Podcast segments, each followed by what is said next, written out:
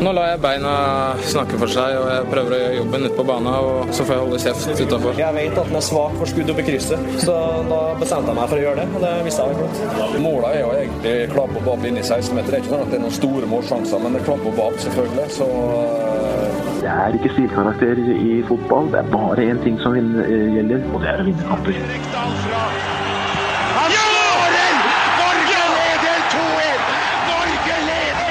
Og jeg lurer på om Arne Skeie hadde jublet like mye da vi skåret 2-1 ved Dama Diomande i går. Vi spiller inn i dag, det er onsdag, og toppfotball er tilbake. Jørgen Kjernås, velkommen. Jo, takk for det. takk for det Har du gjort noe spennende siden sist? Standardsvaret er vel nei. Det...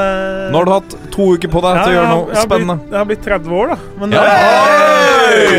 det, I, men det har gått stille og rolig for seg. Det, I motsetning til visse programledere så gjør vi ikke så mye ut av det når vi Oh. fyller runde år. Så det Hvilke programledere da?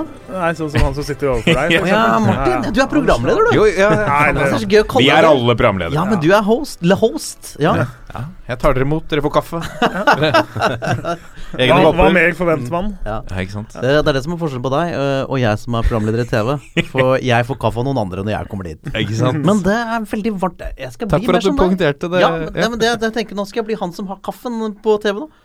Kaffe til lydmann og det er Ikke bra, sant? det. Ja, det er nydelig. Da blir du populær, vet du. Ja, Og det er jo det man helst vil være. Ja, ikke sant. Lasse Wangstein, velkommen. Takk for det. Har du gjort noe spennende i det siste? Eh, nei. Nei? kom Jo, igjen, kom nei! igjen. Ja, okay, Dere må da. komme med et eller annet. Ja, noe lite eh, personlig, litt sånn rart. Litt. Gjerne flaut. Uh, Når har du skamma deg over ja, deg jeg sjæl? Jeg skamma meg litt grann forrige uke, Ja, når eh, Martin skulle finne noe uh, juice på meg da, da Freddy var gjest i studio. Da. Det var jo eh, hyggelig. Ja, men på privaten, på privaten! Privaten er det lite flaue ting som har skjedd. Eh, Vi har besøk av svigers eh, på en sånn halvannen ukers eh, stunt nå. Så får litt barnefri av og til. Halvannen ukers stunt. Eh, Ja, de er innom en halvannen ukes tid, da. Og de bor hos deg? bor hos oss i halvannen ukes tid. Raust. Å, Det er raust. Vi er ganske raust Er det ikke litt hardt òg, da? Å ha dem Det er litt hardt, da. så nært så lenge. Det er det. Men eh, Ja. sånn, sånn er det. De bor langt unna, så da blir det sånn. Ja. Hyggelig, da. Og så mannen som alltid introduserer seg selv, Håvard Lilleheie. yeah. Takk, takk, tusen takk. Og nå lurer dere kanskje på om jeg har gjort noe spennende siden sist. Absolutt. I helga så var jeg i London. Ja. Ja, med sønnen min. Ja. Eh, det er rett og slett fordi han har klagd lenge. Fordi eh, mora hans hun eh, reiser mye i sin jobb. Og jeg hadde det der eh, Norske fans, der vi dro rundt på sånne Champions League-matcher. Så han har rett og slett sett seg så utrolig lei på at han har foreldre som får se verden, mens han selv må være i Norge hele tida. Ja. Så da gjorde vi noe med det, og da tok vi London. Så der var jeg med han. Var på Hamleys, leker i sju etasjer. Det var det største, selvfølgelig. Ja. Uh, Natural History Museum, Ja. med en sånn svær Svær sånn eh, slags sånn robotdinosaur. ja. Eh, og Trafalgar Square og Covent Garden og Chinatown, og det veit jeg. Sånn, sånn. Ikke Ja. noe fotball. For det er jo seriepause. Nei, ja, nei, nei. Han er ikke, han er ikke fotballmann, skjønner du. Oi. Nei. Har du en jobb å gjøre? Det er ikke så viktig Ass. Nei, særlig. Han må finne sin vei. Ikke sant? Alle må det. Det er deilig at vi er tilbake alle sammen, alle fire. Veldig hyggelig. Vi har hatt eh, noen gode erstattere. Freddy eh, Dos Santos inne forrige uke, og, og før det Louis Pimenta, som var og snakket med oss, Ja. Håvard. Mm. Veldig spennende. Det var en god sending. Absolutt. Um, og så er det sånn at vi har visst en eh, slags beef med en annen uh, podkast som spiller inn i dette huset. Fotballuka. Ja. Jeg sier som Zlatan ville sagt, jeg vet ikke hvem disse menneskene er. Hva er dette her? Hæ? Hva er det som skjer, liksom? Noen folk jeg aldri har hørt om, så bare kommer Det er helt merkelig. Jeg tror eh, du har vært eh, ganske skåna av det jeg har hørt eh, så langt, uh, Håvard. Ja, nå blir de sinte, vet du, når jeg tar dem. Ja, nå Ja. kan det hende at Ja, du får en liten en, men Ja. det har gått mest utover Ropstad, og så har det gått litt utover meg, og det tror jeg har med Vålerenga Ah, å ja, gjøre. For han ene ja, ja, e- egentlig for han Galåsen, han 205 høye uh, fotballuka-mannen, han er Ja. veldig LSK. Ja, så- ja. Åh, Han har det tøft om dagen. Han høres, han høres veldig tøff ut. 2.05 og sånn. Det er kanskje den Det er den snilleste kjempen jeg har møtt. Åh, det er koselig. Så, men, Men det, eh, fotballuka, eh, flinke folk. Absolutt. Jeg, kan jeg syns litt sånn De er ikke så glad i norsk fotball, da. Det er kanskje litt negativt. Nei, Ja. jeg syns sånn synd på LSK. Ja. Fordi at de har vært så fattige så lenge. ja, men, ja, men jeg føler at eh, Fattig, ikke i overført betydning, men fattig som i Pengelens. De, de har hatt eh, dritlite penger lenge, da. Ja. Og så syns jeg det er litt sånn underkommunisert. At Ja. de på en eller annen måte blir liksom tatt litt sånn hardere enn de burde, for at alle veit jo at det er hardt å drive uten penger. Og nå skal, jeg, skal jeg komme med en brannfakkel. For LSK har ikke vært nede siden en eller annen gang på 70-tallet. Alle nevner jo det til. Når, når var det sist, uh, Jørgen? Det er vel 75 det Ja. gikk opp, vel? Mm. Nei, da Ja, eller vant. De har vært oppe i Ja. 42 år, tror jeg. Ja. Ja. Ja. Kanskje det hadde vært bra for LSK å rykke ned? Men det sier er det ikke som man bare sier? Ja, men er det det? Altså, altså det, er er jo det er jo en klubb som åpenbart at hvis de på en eller annen måte ikke har penger til å drive toppfotball, Mm. så er det fint å komme ned, få inn Altså, du må tvinges til å få inn eh, unge, nye spillere. Lokale. Så det er jo sånn Brann sa det da de rykka ned, og det Lillestrøm-folk kommer til å si det nå hvis Lillestrøm rykker ned. Det er ikke sikkert det, for det er jo tett der nede, men uh, det er jo sånn eh, fin unnskyldning. Ja, men vi har sikkert godt av det nedrykket, da, og så får vi komme sterkere tilbake. Det, jeg føler det blir litt sånn, altså. Det er, jo, det er jo aldri gunstig å rykke ned. Kan det være det? Ja? Det du kan får, det Du får renska litt opp, da. Altså, Ja, Lillestrøm ja. har noen dyre, gamle spillere som på utgående kontrakt, og det er klart at de mange av dem forsvinner vel uansett. Men Ja. uh, så har de jo tross alt en del unge lovende som kanskje kan ha godt av faktisk å spille litt uh, førstelagsfotball. De har folk utlånt i Ullkisa, Strømmen, og sitter på benken og spiller tredje for dem. Ja. Kanskje får de sjansen til å liksom spille seg inn uh, neste år, da. Uh, Ja. Brann har jo klart å gjøre det til noe positivt. Stabæk gjorde det for noen år siden. Gikk fra Erik og så rett opp til å være topplag og vinne gullet året etter det igjen. eh, Så det, Ja, det er jo muligheter, men Er man Lars vil jo ikke rykke ned. Det er ingen som sier nå på Åråsen at hei, kanskje vi skal rykke ned, vi har godt av det. Men har de en De har jo en rik onkel i Per Berg. Er han eh, Er, han for, er det en fattig onkel? Er han gjerrig, er det det du prøver å si? Er det en gjerrig onkel? Du må kunne drive Ikke sant? Eh, SIF fikk jo hjelp da de holdt på å gå konk i 2006. Ja. Og da kom det penger inn. Ja. Men da er det sånn at uh, da driver jo klubben Altså, det var jo da nødhjelp da. Mm. Nå driver de jo uten å få inn penger. Altså, du må jo klare å lage en modell. Mm. Hvis du ikke er Der du kan drive med uten røde tall. Jeg skal jo, Uten å nevne navn på klubb, så finnes det jo andre klubber med rike onkler som nødvendigvis ikke har ja. forvalta penga sine kjempegodt i Ja. norsk fotball de siste åra. Så ja, nei, jeg vet ikke. Nei.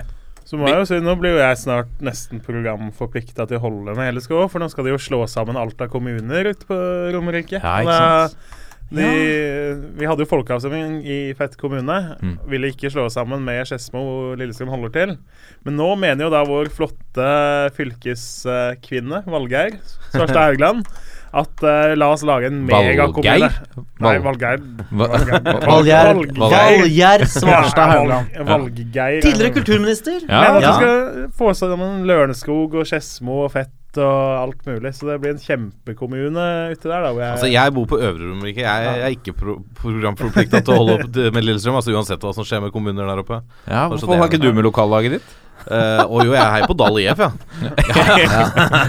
Dal. Der. Imponert over sesongene i sjuende eller åttende. de Har ikke peiling.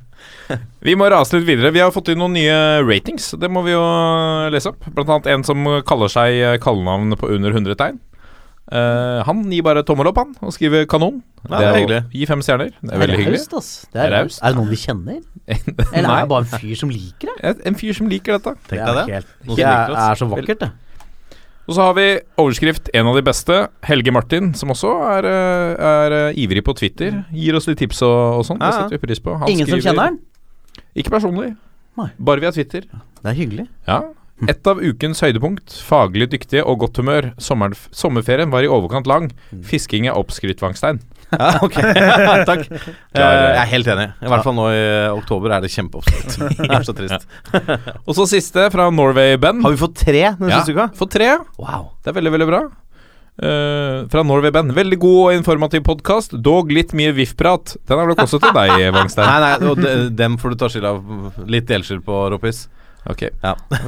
Elsker breddefotballpraten, en podkast som har en oppadgående kurve når det kommer til kvalitet. Ja, det er godt å høre. Men uh, da kan vi vel si at uh, i dag skal det ikke bli så mye VIF. Nei. Nei. Begrense VIF i dag. Vi begrenser Vålerenga litt. Grann. Vi må innom, men vi skal begrense. Veldig bra.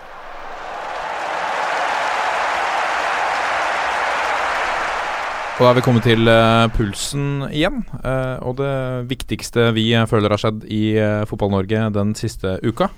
Eh, og denne gangen så er vi vel strengt tatt nødt til å snakke om en nesten-katastrofe som, uh, som var uh, Norge San Marino eh, i går. Eh, men før det, Jørgen Før det så må vi snakke om de Det finnes jo faktisk lag her i landet som er enda dårligere enn landslaget. Tro det eller ei.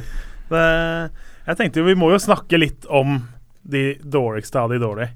Jeg er litt fascinert. ikke sant? Det er, det er gøy å spille fotball når du vinner, og da er det lett å møte opp på neste kamp og neste trening og sånn. Ja. Men det fins jo faktisk lag i det landet her som har gått gjennom årets sesong, som begynner å bli ferdig på ganske mange nivåer nå, uten å ta ett fordømt poeng. Oh, shit. Det blir Eh, tungt. Jeg tror jeg telte opp Jeg gikk gjennom alle seniordivisjonene. Vi sparte liksom de her guttene og juniorene og sånn. Ja. Og klarte å telle opp ni lag, tror jeg, som gikk gjennom sesongen uten ett eneste poeng. Ja. Eh, Og det er hele veien til uh, hele veien ned til divisjon? åttende-niende divisjon. Men alle har scoret.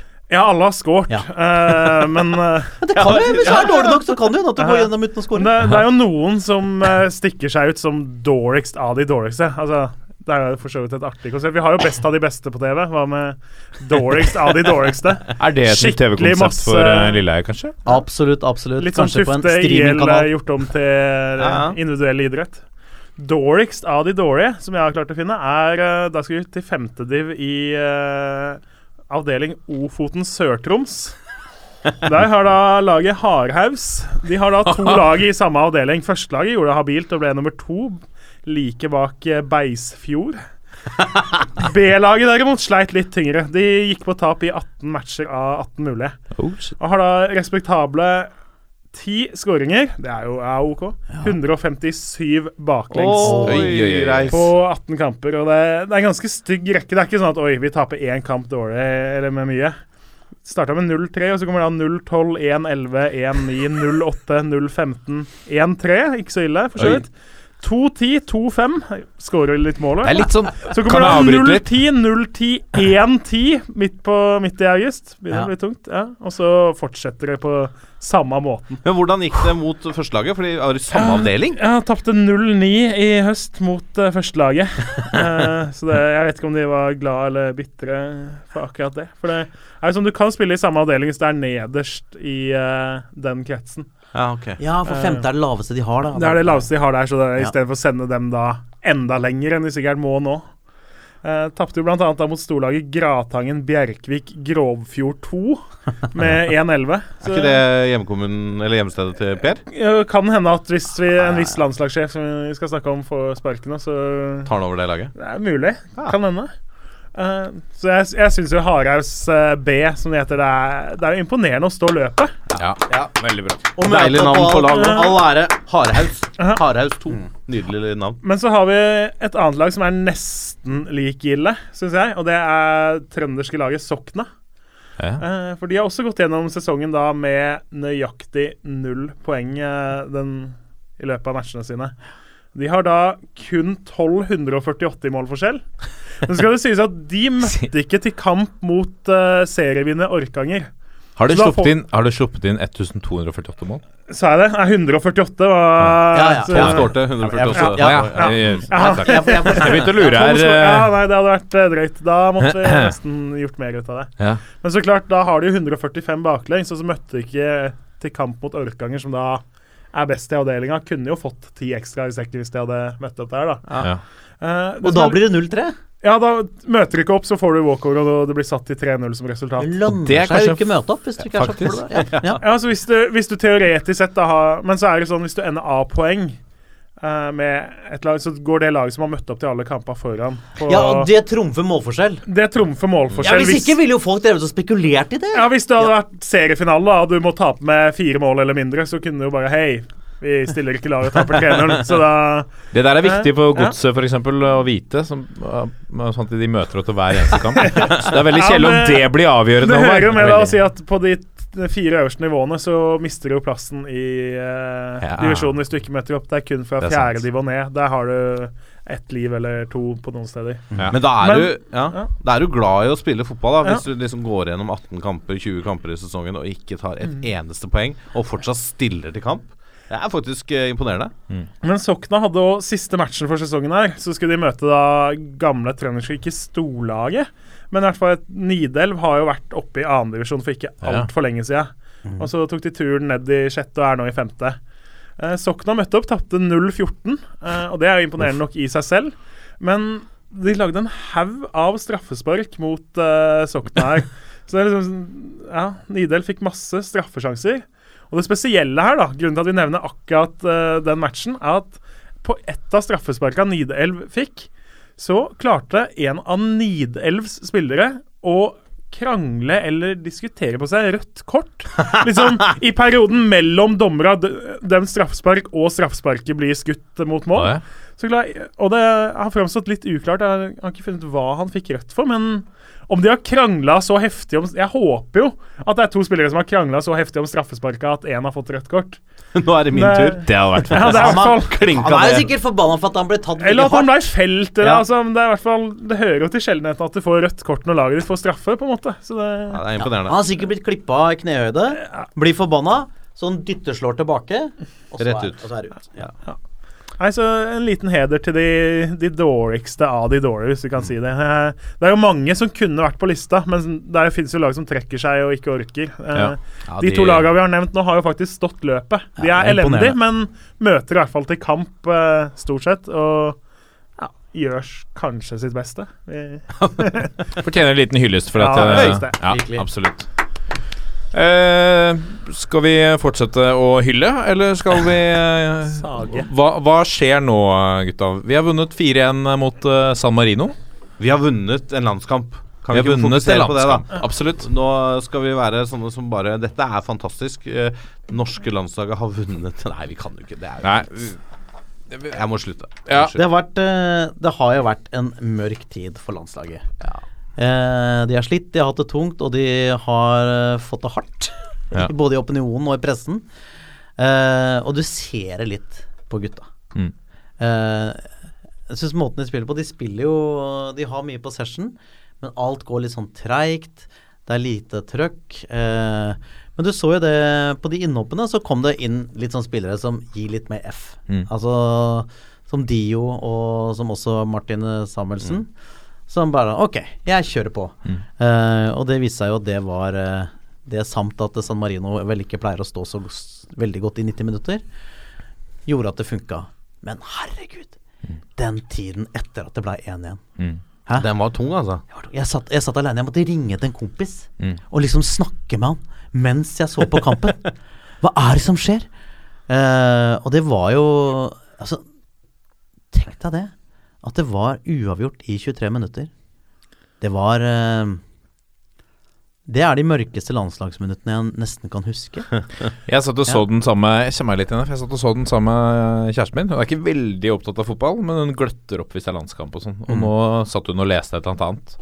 Og så utligner San Marino, og så er det 1-1. Og så Jeg skriker ut faen, for det er jo helt dritt. Og så sier hun at ja, men det er jo 1-1. Det er jo det, det er jo bra at det var i Norge. Ja, men du skjønner ikke.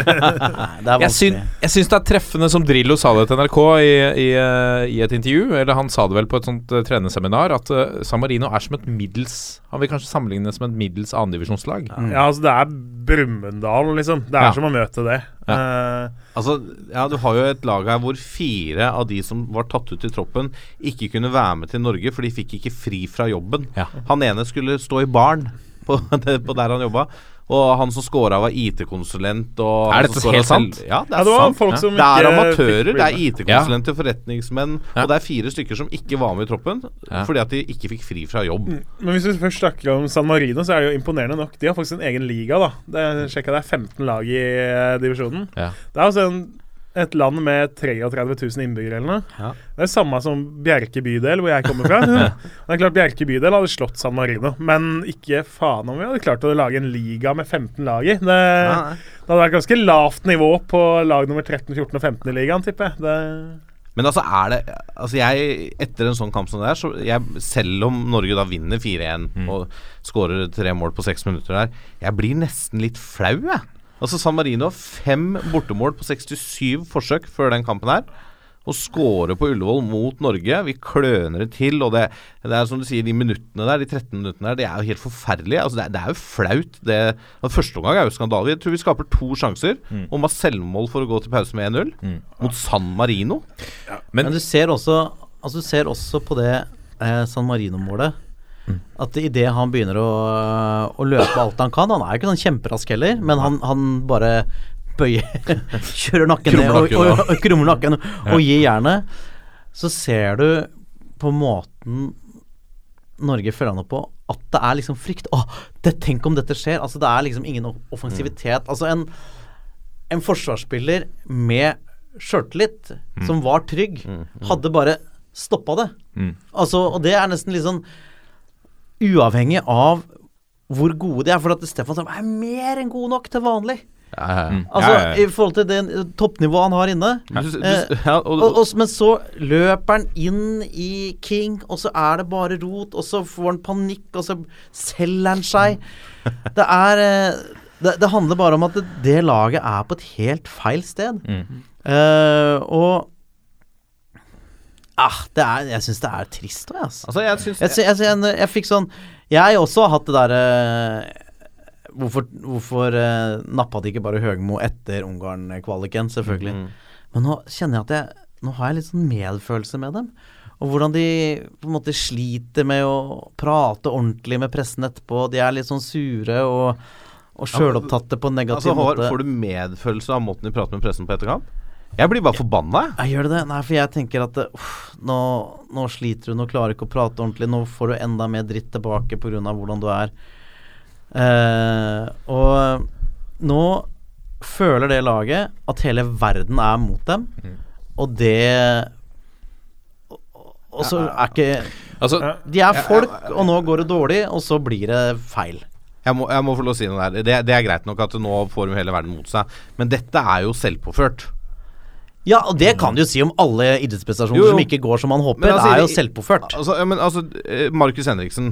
Altså Fotballspiller, noe av det beste de pleier å si, er liksom Nei, jeg ser ikke på børsen, jeg driter i børsen. Han går ut og sutrer fordi han får så lave børskarakterer på landslaget. Fordi at det liksom, mener hele en samla norsk sportspresse er ute etter å ta han. Ole Selnes og Ken Remi Stefan Strandberg nå etter eh, forrige kamp tar pressen fordi at de er negative. Altså, Du får ikke noe sympati av å sutre til pressen fordi at du får litt kritikk som landslagsspiller. Jeg blir bare irritert på sånt. Jeg. Altså, Det må du tåle hvis du er profesjonell fotballspiller og skal spille med flagg på brystet. Da må du tåle at folk har argusøyne på dem, og tåle at folk kritiserer deg når du ikke gjør jobben din, du, når du gjør en dårlig innsats. Altså, fordi, altså Hadde de gutsa hele tida, krumma nakken, som du sier, banka til i duellene og tapt fair and square, greit nok. Men, men jeg syns ikke det er den derre trøkket i spillet heller. Altså Jeg syns ikke det virker De, de gjør sikkert det de kan, altså misforstå meg rett, men jeg syns ikke det virker som de liksom klinker til, altså. Nei, altså det, er, det er som det ser ut som sånn der eh, land, privatlandskamp som alle egentlig ikke bryr seg om hver gang vi spiller. Samme om det er Tyskland hjemme eller Aserbajdsjan borte, eller om det er Hviterussland i en kamp som faktisk ingen bryr seg om, så er det samme tempo. Det er dødt ute på banen. Det er liksom ingen som er den derre Fy faen, kom igjen nå. Vi skal Vi må gi gi Hansen har jo vært litt den, og så er jo han i en Jo, han, kjempeformsvikt. ikke sant? Og, og så blir det jo Ok, det blir mye negativt rundt, men hva forventer de, på en måte?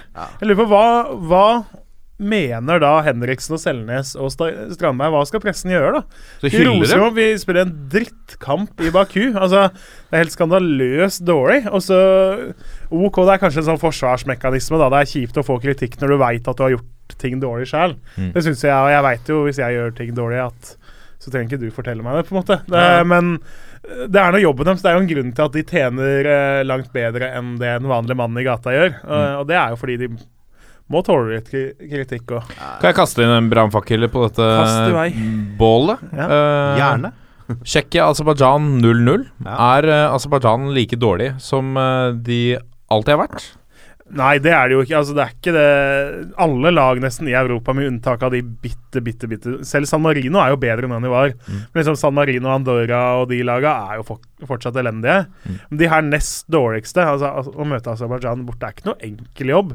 Norge lå sånn rundt to i odds på uh, oddsen hos de store selskapene. Mm. Altså mener man at Norge skal ha rundt 50 sjanse for å vinne kampen. da Eh, I kvaliken til uh, 98-VM, uh, tror jeg, så vant vi 5-0 på hjemmebane og 1-0 borte. Ja. Eh, nei, så Det er jo ikke noe enkel jobb, sånn sett men det, jeg tror ikke folk heller går rundt og forventer at vi skal knuse Aserbajdsjan. Men jeg tror folk i hvert fall forventer å se en tydelig plan, et lag som faktisk vil noe. Eh, man vil jo se det. Eh, vi får liksom ikke se noen ting, da. Det er ikke Men noe- jeg ser jo at de har en plan. Jeg ser bare at det ikke funker. Jeg ser at de prøver å vende spillet fram og tilbake. Det er jo, det er jo Høgmo glad i. Eh, og på den måten skulle prøve å skaffe seg rom. Men jeg ser jo altså at de gjør ikke det raskt nok og med tilstrekkelig begavelse til at det funker. Og jeg er jo helt enig i at det, det, burde, det burde spilles mye mer sånn trøkkfotball. Men jeg bare nå, nå har jeg liksom lest sosiale medier og sett på nettaviser i dag. Jeg føler nesten det er å sparke nedover og ta dem. Det går ikke an å si. Men, eh, men det bare føles som Enten må vi gjøre noe drastisk, eller så må de bare få være i fred, nesten. Ja, men altså, det er jo det, det, det, er det er jo det tristeste av alt. Jeg var på, på jobben i dag, så så var det inne Så spilte vi noen greier, og så var det en dame fra kanalen der. Eh, og hun hadde med seg sønnen sin, 14-åring. En sånn eh, kjempegod unggutt som spiller på sånn eh, det beste laget som LSK har der og vinner alt og sånn. Og er, er fotballpunch, da. Ja. Og så spurte han eh, Så du på landskampen. Nei, nei, nei, spilte Fifa. og det jeg tror vi ser, da, det som er det farlige, og som jeg kanskje tror man ikke ser tydelig nok, det er at vi får en, eh, en ung generasjon som ikke bryr seg om landslaget, som ikke ser kamper, at det blir bare vi fra 30 som eh, Jørgen Kjernås akkurat eh, har fylt, og, og, og oppover. Ja. Altså, vi gamle gutta, vi husker jo når det var ordentlig. Og vi eh, For oss så er jo det liksom å se på landslaget, det er liksom litt uh, som å stemme ved valg. Ja. Det er ikke alltid du er dritfornøyd med alle kandidatene, men, eh, men du gjør det fordi Du det ser er landskamper. Det er, det er, det er en plikt. Ja, ja. Eh, Delvis òg. Men det er det- men, det- men det det som- er ja. dette som er problemet, er at hvis vi ikke klarer å få en ordentlig offensivitet inn i, inn i norsk fotball, Mm. så kommer vi til å få en generasjon som bare følger Barca, United, Liverpool og Juve og Bayern München, og som ikke bryr seg om noe av det som skjer her hjemme. Men, men altså, det er den likegyldigheten som jeg er så redd for. At, at folk blir likegyldige til landslaget. Altså Nå, er det, nå bryr i hvert fall folk seg litt da, og liksom mener litt. Men det er det hvis du bikker over til sånn likegyldig bare sånn Faen, det går som det går. Jeg driter litt i det. Da er det farlig, altså. Altså, når, vi snakker, når du sier Håvard, at vi ser jo planen og Det er greit at Høgmo har en plan, da. Eh, vi veit jo for så vidt hvordan vi skal spille. Men så sender vi jo ikke ut på det laget som passer til den måten vi skal spille på. da Det er et veldig godt argument. Slutt, Slutten i Baku så skal vi liksom pumpe langt, og så sier han jo før match mot uh, San Marino at nå skal vi ha to høye bekker og komme til masse innlegg og gå rundt på kanta for de spiller 5-4-1 og pakker en i midten, så vi må komme rundt på kantene. Og så setter vi inn da Joshua King, som har sine styrker, men som ikke er noe Fox in the box. liksom. Han ligger ofte på innlegga, så ligger han ute på 15-20 meter. og det er greit nok det hvis du har tenkt deg å komme deg inn i boksen liksom, og angripe ballen, men han ligger der ute og Venter. Ja, ser ut som en påle som er satt fast på 16-metersrekken, liksom. Markus Henriksen er jo ikke akkurat kjent som en spiller som vinner de duellene i boks, han heller. Ja, for nå, Jeg, nå, jeg mener jo helt seriøst, når du kaster inn en brannfakkel, så har jeg lyst til å kaste inn en brannspissfakkel. Oi! Jeg Oi. mener jo faktisk uh, at en spiller som har starta nøyaktig null kamper for sitt lag i år, Å, burde ja. vært fast i landslagstroppen. Og nå vet jeg Og hvor du skal. da snakker jeg om uh, Asar Karadas. og det er klart man kan si mye om Asar Karadas, og han har ikke starta en match uh, siden uh, ja, Vi fikk siden kritikk for at eh, Men eh, altså Asar Karadas er per dags dato den råeste offensive hodespilleren vi har i eh, norsk fotball. Ferdig Hvor med god saken. er Alexander Sørloth på huet? Nei, altså, han lever litt på navnet. Altså, Og høyden. habil. Men uh, ikke i nær Asar Karadas hadde vært perfekt å hive inn siste 20 i Baku. Men det er og sånn som vi skulle spille mot San Marino, og endte med å spille der òg, så mener jeg at han hadde, burde starta den kampen i går. Selv om han, et, eh, han er jo ikke i nærheten, hvis du ser kvalitativt. Det- og det så er han jo ikke ikke blant de 50 heller. eller 100 beste i Norge. Nei. Men du, har, du kan ha tolv mann på benk i VM-kvall, da. Mm. Eh, og da bør du i en kamp som Baku, som du veit kan bli slite så Ta ut elleve mann som er liksom nummer 12 til 22 i Norge, da, på kvalitet. Og så har du med en joker, en type, en rollespiller som Azar Karadas. Eller hvis du finner en fyr i annendivisjon som skrur inn 14 frispark i året, så sett innpå han. Det har vi jo ikke. Men, Sett innpå eh, han når det er frispark. Ja, men altså, vi hadde jo en uh, sportssjef i Drammen som uh, gjorde landslagskarriere på på eh, liksom at han var god på huet og ble satt i den rollen han ble under Drillo. Altså Jostein Flo. Ja, det var jo ment å være et litt sånn enkampsgreie, og så Ja, funka det så bra. det- ja, Mm. Men, altså, men Jostein Flo er jo, er jo også litt sånn undervurdert som fotballspiller. Ja, ja, ja, han var sånn klart. stor, derfor så så han treig ut. Hadde OK toppfart. Og en spenst av en annen verden. Men- og han, altså, han var jo en hodespiller i verdensklasse. Altså, Karadas har, har den der viljen, det trøkket, som vi kanskje etterlyser litt. Eh, altså, for noen år tilbake eh, Men vi kan jo ikke ha Karadas på landslaget. Nei, jeg, jeg skjønner Dette, det, men, dette men er mer, sånn mer humor enn substans. nei, Ja, da, det- nei, det er ikke det. han mener det helt seriøst. Jeg er dundrende seriøs, og det samme mente jeg med da Frode Johnsen fortsatt var på sitt beste. da Så hadde jo han mye av det samme, pluss at han var med målskårer. Jeg, Ja, mener- ja. jeg mener Frode Johnsen da for to-tre år siden burde vært automatisk i landslagstropp. Og nå er også Karadas det beste alternativet. Så, men altså, vi kaster jo uansett Vi kaster fram Stefan Strandberg siste ti minutta i Baku, da.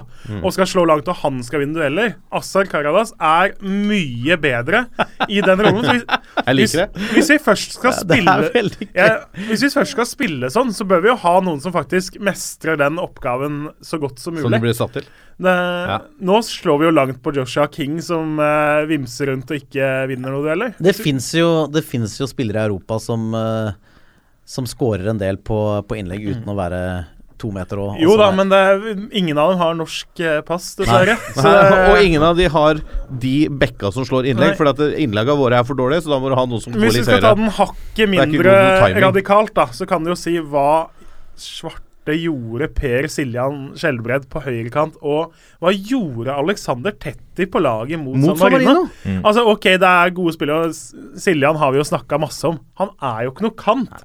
Han er jo ikke en kantspiller som skal spille en sånn kamp hvor vi møter et lag som ligger med elleve mann i forsvar. Tetti har jo ikke noen egenskaper som vi trenger i den kampen.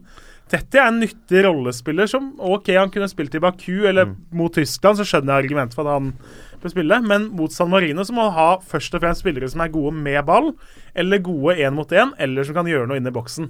Siljan og Tetti er ikke i nærheten av å være noen av delene, og det, sånn blei det i går. Jeg, jeg mener jo det her, og du sier vi vet hvordan vi vil spille, men det funker ikke. Da har treneren én jævlig klar oppgave. Det er å legge om til å spille noe som fungerer. Ut ifra den spilletroppen han har. Det evner ikke Høgmo å gjøre. Han vil ikke, han kommer ikke til å gjøre det. Nei, og da Skal du gjøre det, så må du gjøre det med en annen trener. Altså, altså, Høgmo er jo For meg så fremstår han nå som uh, ypperstepresten for mangel i selvinnsikt. Altså, det er liksom, det er ikke, altså, og det går litt på måten han uttaler seg på etter kamp òg. Han klarer å si etter Baku-kampen at det var bra treningsuke, vi har fine perioder i Baku. Så var det disse 90 minuttene, og så hadde vi en smooth hjemreise. Ja. Vi har tapt Nei, det, altså, det, det, altså Prøver han å gjøre oss forbanna? Det spør jeg om, da. Men hva er det med det norske landslaget som gjør at det er nesten ingen som lykkes med det? Hva er det som gjør at uh, Åge Hareide må ut portene, Uh, gjør det ikke bra i Viking, og Altså, så drar han til Sverige og kjører de til to ganger Champions League? Jeg Per synes- Mathias Søgmo kom fra liksom uh, Per, Basi, per Messias gudedyrkelse i Sverige. Ja. Og er nå verdens største idiot. Hva er det? Nå Hva skal vi jo si det Jeg Syns ikke han er det, men han blir omtalt som Ja, det. ja. Ja. Altså, vi har jo, det har jo vært litt sånn som samme med norske håndballandslaget for menn òg. At vi har jo vært veldig nære veldig mange ganger da, de siste 15 åra. Det har jo ikke vært helt mørkt, selv om vi ikke har nådd sluttspill. Vi har hatt kvaliker hvor vi nesten har gått veien og liksom gjort som forventa. Aldri overprestert. Det har vi jo ikke gjort siden midten av 90-tallet. Men noen ganger så har vi levert på det som i hvert fall er paret. da Komme seg og møte Spania, møte Tsjekkia i kvalik. Men det er det som skjer, og er at når vi, sånn, når vi får Ungarn i den kvaliken, så er Altså, da blir liksom det norske folk blir sånn Åh, bare Ungarn! Dette er lett. At det, vi mangler helt den Du, det er, vi har bare én sjanse her, og det er hvis vi gir alt og presterer alt vi kan. For de gutta, de er en aldrende spillertropp. De har sin siste mulighet, og de ga Men gjerne. tror, tror vi eh, at eh, det der kanskje smitta litt over på spillerne? At de tok litt for lett på Ungarn? Jeg vet ikke, jeg syns, det. det var rart, hele den der Ungarn-inngangen, og hvordan, ja, ja. hvordan det ble. Men, men altså Men der ja. hører jo til at det var ikke bare vi i Norge som mente at Norge var favoritter i den, det oppgjøret. da. Det var jo litt sånn Europa. uniont òg, at Norge var uh, 65-35-favoritter, i Ja. hvert fall i de oppgjørene. Men jeg, ja, men jeg får, må få lov å si en ting til når vi var inne på dette med fagbrev i selvinn, mangel på selvinnsikt. Uh, vi har jo noen spillere òg som jeg syns eh, fremstår uh, Vi var så vidt innom uh, Strandberg og Henriksen her, eh, og Selnes. Og Selnes eh, jeg mener jeg er i spissen her nå. For forrige landslagskamper, altså forrige seriepause, som noen velger å kalle det, siden det, det det er pause i serien, eh, så gikk han jo ut mot publikum. Da var det liksom at det har alltid vært sutringer til landslaget. Han hadde så vidt spilt på landslaget. Og den gangen her så eh, bruker han da all energi i Baku på å ta dommeren. Og så går han på lagkamerater, og så går han på media. Og nå så avslutter han denne uh, samlinga her med å si til NRK i dag at han gleder seg til å komme hjem til Frankrike til en spillergruppe hvor man unner hverandre suksess. Hva er det han sier om lagkameratene Ja, sine på landslaget da? Er det bare spillergruppen han snakker om da, eller er det omgivelsene? Han sier til en spillergruppe hvor vi unner hverandre suksess, sier han. Ja.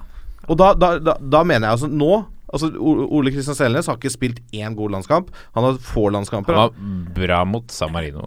Ja, men faen, altså. Du Ja, hadde greit. vært god mot San Marino hvis du hadde fått sjansen. Med de 11, de ti rundt deg. Det ja. mener jeg. Og, men nei, jeg mener altså Hvis han ikke er villig til å, å ta litt grann kritikk og litt grann motgang på haka som landslagsspiller, da får han bare ta en landslagspause, altså.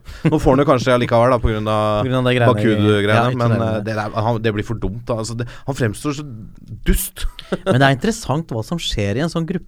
Mm. Altså på eh, en sånn gruppe med For at eh, Altså hvis vi liksom tar et lite skritt tilbake her, så er mange av de som spiller på norske landslaget, OK fotballspillere. De er ikke topp europeisk klasse, men de spiller i, i OK klubber, mange av de. Og mange av de spiller også en del, og ganske mye. Eh, og klarer seg. Og så kommer denne gruppen sammen, og så fungerer det virkelig ikke. Og det må være så mye frustrasjon. Og jeg, jeg skal ikke si at det er elegant av, av Seltnes å uttale seg som han gjør. Men det er litt sånn Du, han er en ung gutt. Han har eh, Og han har jo det der Han har jo litt den derre sure vinnerviljen i seg. Det har han alltid hatt. Og det er jo sånn som når de, når de solgte den fra Rosenborg så var det sånn ja, Nå må vi la han gå, for nå kan ikke han gå her lenger, for nå vil han mer. Og pff, kanskje det er liksom den, den sure villviljen som gjør at han eh, er i fransk toppdivisjon, og ifølge rapportene spiller meget bra Ja, ja, han gjør det. Og det, og det, Og det- men det er jo det, da. Han spiller bra der. Skjelbred spiller bra i Herta. Det samme gjør Jarstein. Vi har to som spiller fast i Premier League. Altså Vi har spillere som spiller på forholdsvis høyt europeisk nivå uke ut, uke inn, på forholdsvis gode lag. Men det får det ikke til å funke. Og sånn som Selnes at da, jeg mener Hadde han brukt litt energi på å faktisk ta ut den vinnervilja på banen i Baku, da istedenfor på dommeren ti minutter etter kamp, så hadde vi kanskje fått med oss et resultat derfra. Altså Men er det ikke et resultat av, en, av nettopp den viljen som vi etterlyser? Uh, altså Vinnerviljen er så sterk. Faren hans går jo ut og sier dette også, at uh, han er en forferdelig dårlig taper. Jo, Selnes er alltid Ja, men hva er feil Altså, vi, vi kan jo synes så mye om Jo, jo, hvordan man skal være. Uh, jeg har lyst til å liksom trekke frem litt sånn Susanne Wergeland i, i Max, hun reporteren. Ja. Eh, der har de tydelig lagt om strategien i forhold til hvordan man skal stille spørsmål til spillerne i intervjuer. Det er tydelig at, eh, at uh, enten har hun bestemt seg for det, eller så har alle reporterne bestemt seg for det. At nå skal vi være, gå skikkelig kritisk uh, til verks. som for så vidt er bra. Og så prøver de Hun prøver å vippe spillerne litt av pinnen med kritiske spørsmål om spillestil, om innsats, om Høgmo osv. osv. Uh, og det syns vi er bra. Vi som fans syns det er bra. Ja, de fikk jo altså, Max fikk jo kritikk en periode for at de stilte for snille spørsmål. Ja. Så de har jo tydeligvis snudd. Men samtidig så går Vegard Forhund ut og, og kommer med litt sånne utspill som, som vi etterlyser fra spillerne våre. Og da går media på han igjen og sier at dette er helt Det er illojalt mot landslaget når han endelig uttaler seg på en måte som kanskje man ønsker. Ja, man, Jeg- blir jeg jo satt, man blir jo satt i en umulig situasjon. Ja. Fordi du, du får da de kritiske spørsmålene, Mm. men med en gang du svarer noe som uh, er noe annet enn uh, den vanlige fotballholdninga, at uh, du, vi står sammen utad og, og tar resten i garderoben, Mm. så, er det jo så er det et mareritt. Jeg tror vi ser et landslag som akkurat nå er litt i oppløsning, og du ser det litt på måten de snakker på. Mm. og måten de er på. Og jeg syns at han burde slippe nå. Per Mathias. Jeg syns han burde slippe, og jeg Han Han er jo en bra fotballmann. Han har jo vist det før. Ja, ja, ja. Eh, Han får ikke til. men det, det, det er bare at akkurat sånn som det er nå, så går det ikke. Uh, men samtidig, ikke sant, det, det som skjedde For det er sånne små, små detaljer. Vi får med oss den seieren, og så blir det uavgjort eh, mellom Tsjekkia og Aserbajdsjan. Og så har vi plutselig Ja ja, men det er jo ikke kjørt. Nei, men det, Og så, ja. og så prøver vi litt til. Eh, og så skal han nå få tillit fram til Tsjekkia-kampen, som også er litt sånn rar tillit å gi sånn Ja, du får fortsette én kamp til, og så får vi se. Eh, men hva skjer hvis vi plutselig vinner den, da? Ja, jo, men det er jo én ting. Men jeg, jeg tror uansett vi må vinne alt bortsett fra bortekampen mot uh, Tyskland. Eh, hvis vi skal ha noen sjanse i det hele tatt. Og, uh, men det har gått så langt nå, føler jeg, da med Høgmo, at uh, Altså, vi, vi bytter den ikke før vi har en klar, god kandidat på plass. Og det tror jeg ikke vi rekker før Tsjekkia-kampen. Så får den stå ut sesongen i år, da. Så får vi heller ha en ny en på plass fra nyttår av. Det tror jeg må være på en måte taktikken til NFF nå. Men at, at Per-Mathias bør vurdere å slippe Vi snakka om det, han burde kanskje ha sluppet etter Ungarn-kampen. Men det er men, men det er noe med at den prosessen som skjedde da han ble ansatt, den kan vi kanskje prøve å unngå nå, da. Uh, og gjøre det litt mer ryddig, uh, kanskje. Ja, Det som var uryddig da, var jo at, uh, at Egil Olsen fikk jo helt andre signaler fra folka enn enn det som var, Var reelle. Ja, ja, ja. Eh, det er i hvert fall hans tydelige versjon. Ja, nei, som du snakka om Forhund i stad. Så jeg syns jo at det er flott at Vegard Forhund melder sånn som han gjør. Hvis man Helt tenker enig. Liksom, vet ikke, Har han fått så mye saging på en måte for det? Det er litt på Twitter og litt sånn at, at man syns det er overraskende og uventa og sånn. Ja, det er jo. uvant. Det er veldig uvant, men jeg tror jo kanskje de fleste liksom, i pressen og sånn tenker at yes, en fyr som faktisk sier det han mener. Mm. For det fins jo ikke noe kjedeligere enn å stå og få høre liksom én kamp av gangen og fokusere på arbeidsoppgavene og bla, bla, bla, piss, piss, piss ut av munnen, liksom. Så det er jo deilig på en måte òg med uh, Selnes og Henriksen og alle de, at de faktisk melder det de mener. Men når det går så dårlig, og vi gang på gang på gang på gang underpresterer og leverer så dårlig på banen, så er ikke timinga fryktelig god liksom på å klage på alt rundt og alle på tribunen og i pressen. Nei, det, det er. Timinga er fullstendig feil, da. Ja, det Så spar det til de har vunnet to-tre kamper på rad, så kan du heller komme og slå tilbake kritikken da. fortsatt er der da, så Ja. kan du gjøre det. Men også sånn som forren som egentlig bare peker på at han syns at en Martin Linnes burde vært i troppen, det syns jeg er helt ryddig å si. Men sånn som Selnes, da, som da liksom står og eh, æreskjeller eh, angriperne våre fordi at de ikke klarer å skåre mål og, og, Han var ikke Nei, æreskjelt men altså- Ja, han legger ut sånn dårlig, halvsubtile hint om Ja, at han ikke liker de. og det er svakt. Det syns jeg, jeg er helt annet enn det Forhen driver med. Ja. I hvert fall når han var på banen sjøl og kunne vært med å prege dette resultatet i mye større grad enn han klarte sjøl. Da får han se seg sjøl litt i speilet. Så må du heller si at vi var alle dritræva. for det savner jeg at de si, tør å si. At vi var dårlige alle sammen. Ja, for det er et annet element til dette. Ja. At vi har resultatene som ikke går vår vei. Ja. Vi har kanskje en kommunikasjon her også som ikke går. Helt som den skal. eh, ja, det må være lov å Uh, Dere er inne på det når man snakker om at, uh, at hjemreisen gikk smooth. At man liksom ikke tør å Man tør ikke å, å snakke om det som er dårlig. Nei, og, det, Eh, og så kommer er det en policy her om at vi skal stenge inne alt som er dårlig, og male et bilde om at alt er fint? men Og det da blir det jo også mer eh, støy utad. Ja. Man ser jo Altså En uh, norsk laggruppe som har liksom helt annen approach alltid utad, er jo hockeylandslaget. Ja. De er sånn Ai, dette var for dårlig. Ja. Nei, i dag var vi ræva. Nå må vi skjerpe oss. Reine ord for ja, det er helt nydelig de å se det de gutta i intervju. Det er ja, fantastisk. De har den derre arbeiderklassetydeligheten som man blir forelska i, eh, og som man eh, mangler for landslaget. Men så kan vi jo glede oss over at U21-landslaget gjorde Ja. det. Ja. Og Martin Ødegaard, dere, Drammens store sønn, er tilbake. Komme. Han skinner, han dominerer. Men hva- men han er Europas beste tenåring, dere. Vi er på vei! Vi er vei. Og der har du jo Der Nei, har du jo nei, nei, nei, la meg svaret. Unnskyld, unnskyld. unnskyld Var vi ferdig med A-landslaget nå?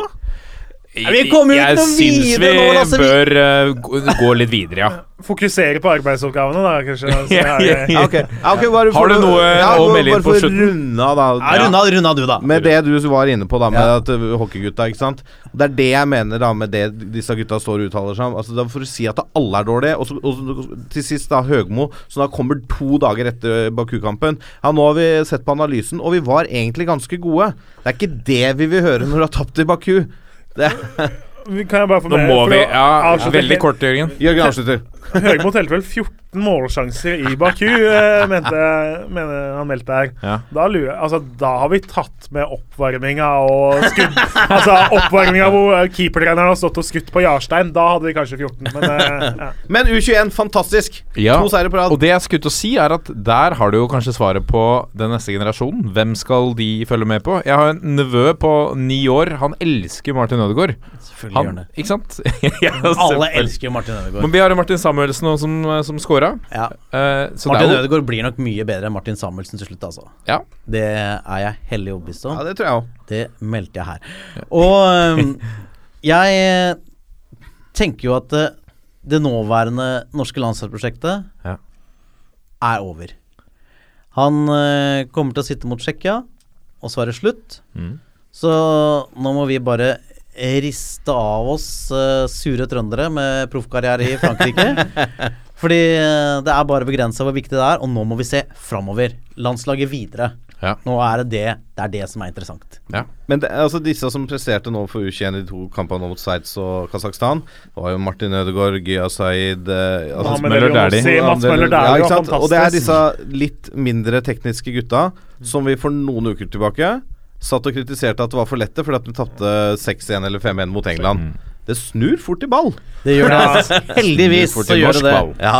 Og øh, kanskje, kanskje blir Per-Mathias uh, Høgmo-perioden som en Ingvar Stadheim-periode. At det kommer en øh, pragmatisk øh, fotballfyr etterpå. Setter sammen et lag med tydelige, enkle prinsipper. Der øh, heller de individuelle kvalitetene får skinne innenfor de rammene. Og så plutselig er Norge bra igjen. Og jeg gleder meg allerede, kjenner jeg. Ja, ja. Det blir gøy. Skal vi ta en runde på hvem vi kanskje vil ha inn i denne stolen? ja, Erik Hamrem. Helt enig. Det, men problemet er jo Jeg er ikke enig, altså. Eh, men si nei, flott. Men, eh, altså, han engasjerte jo Han skapte jo ikke noe gladfotball i Trondheim, men han skapte et vinnermaskineri. Mm. Eh, Attityd. Og, og attityd. Og det går jo foran alt av uh, Vi klarer jo ikke spille fin fotball og få resultater. Det skjer jo ikke.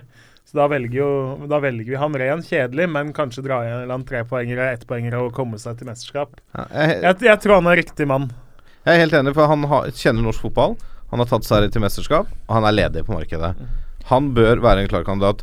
Alternativt så er det jo en sånn type Ståle Solbakken som er åpenbar, da. Men eh, jeg tror han blir for dyr å kjøpe ut av FCK.